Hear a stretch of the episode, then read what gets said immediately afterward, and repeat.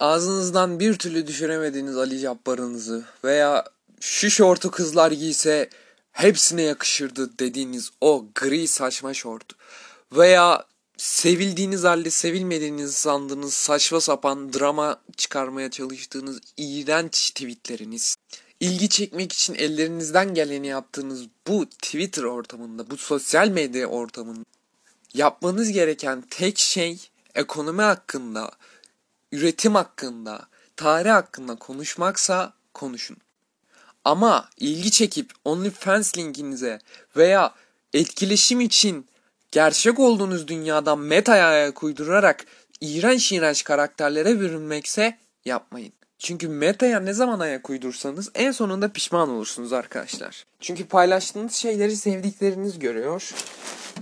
Gerçek kişiliğinizi bilen insanlar görüyor ve diyorlar ki yapmadığınız şeyler aslında sizin olmamanız gereken insan olduğunuz anlamına gelir. Az önce söylediğim cümleyi anlamamış olabilirsiniz. Size şöyle açıklayayım. Yapmadığınız bir şey var. Ama bunu Twitter'da, sosyal medyada yapıyorsunuz. Yani meta'ya ayak uyduruyorsunuz. Meta denen o iğrenç şey doğal halinizden sizi soyutlamanızı sağlıyor. Somut halinize de hakaret ediyorsunuz. Ben bu fikri savunuyorum.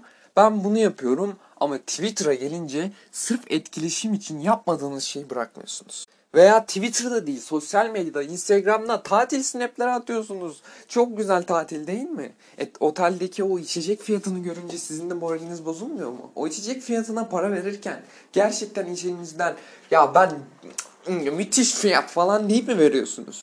Bugün TOG denen TOG denen diyorum çünkü çok fazla abartıldığını düşünüyorum bu elektrikli araba markasının. Fazla bir havası yok. Çünkü bu dönem elektrikli araba üretmek, oyuncak bebek yapmak kadar kolay artık ülkeler için. Biz TOG yapmışız. Amerika bizden 6-7 yıl önce yapmış. Avrupa bizden 10 yıl önce yapmış.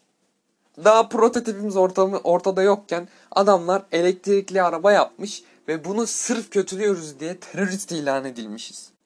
Üstüne sırf TOG'un elektrikli araba olan TOG'un elektrik kaynağını ortaya çıkarabilmek için ağaç kesiyorlar. Ve bu ağaçları da kesenler devlet. Devlet kimden alıyor bu emri? Özel şirketlerden. TOG yarı özel bir şirkettir. TOG devlet şirketi değildir. TOG yarı özeldir ve şu an belki de devlet birinin popisi, kuklası olarak devletin milli servetine, ormanlarına giriyor. Devlet de buna boyun eğiyor ve ormanları kesmeye başlıyor. Ve haliyle oranın halkı buna karşı çıkıyor. Çünkü bizim huyumuz bu. Huyumuz kurusun. Bize ait olanı korumak bizim boynumuzun borcudur. Karşımızda kim olursa olsun, devlet olsun veya başka bir şey olsun, başka birileri olsun bize ait olanı koruruz. Çünkü bu bizim kanımızda var. Biz muhafazakarız ve militarist bir kana sahibiz. Gel gelelim muhalefete. Muhalefet de tabii ki Akbelen'e gitti. Mustafa Sarıgül özellikle. Akbelen'e gitti ve ne yaptı? Akbelen'e gittiler ve ne yaptılar? Akbelen'de orada destek olacak bir şekilde kaldılar mı? Akbelen'de uzun süre kaldılar mı? Takım elbiselerini çıkarıp oradaki halkla birlikte eylem yaptılar mı? Önemli olan soru şu. Muhalefet gerçekten muhalefet mi? Ya da muhalefet gerçekten muhalefete mi çalışıyor? Ya da muhalefeti destekleyenler gerçekten muhalefeti mi destekliyor? Zamanında yediğimiz linçleri kim attı? Robotlar mı? Botlar mı? Troller mi? Yoksa gerçekten bu vatanı seven vatan evlatları mı? Biz kime oy verdik? Öylesine bir kuklaya mı? Yoksa başarabileceğini sanan, kuklalar tarafından yönetilen bir yöneticiye mi? Muhalefet paramparça olmuş durumda. Muhalefet Akbelen'e gitti Ve Akbelen'de de başarısız oldu arkadaşlar. Akbelen'deki başarısızlığını nasıl örtecek hiç bilmiyorum. Bu saatten sonra bilmiyorum Canan Kaftancıoğlu istifa edecekmiş. Çok da umurumda. Çoktan CHP lekelendi. Ekrem İmamoğlu başa gelecekmiş. Erdoğan'ın yan çarı.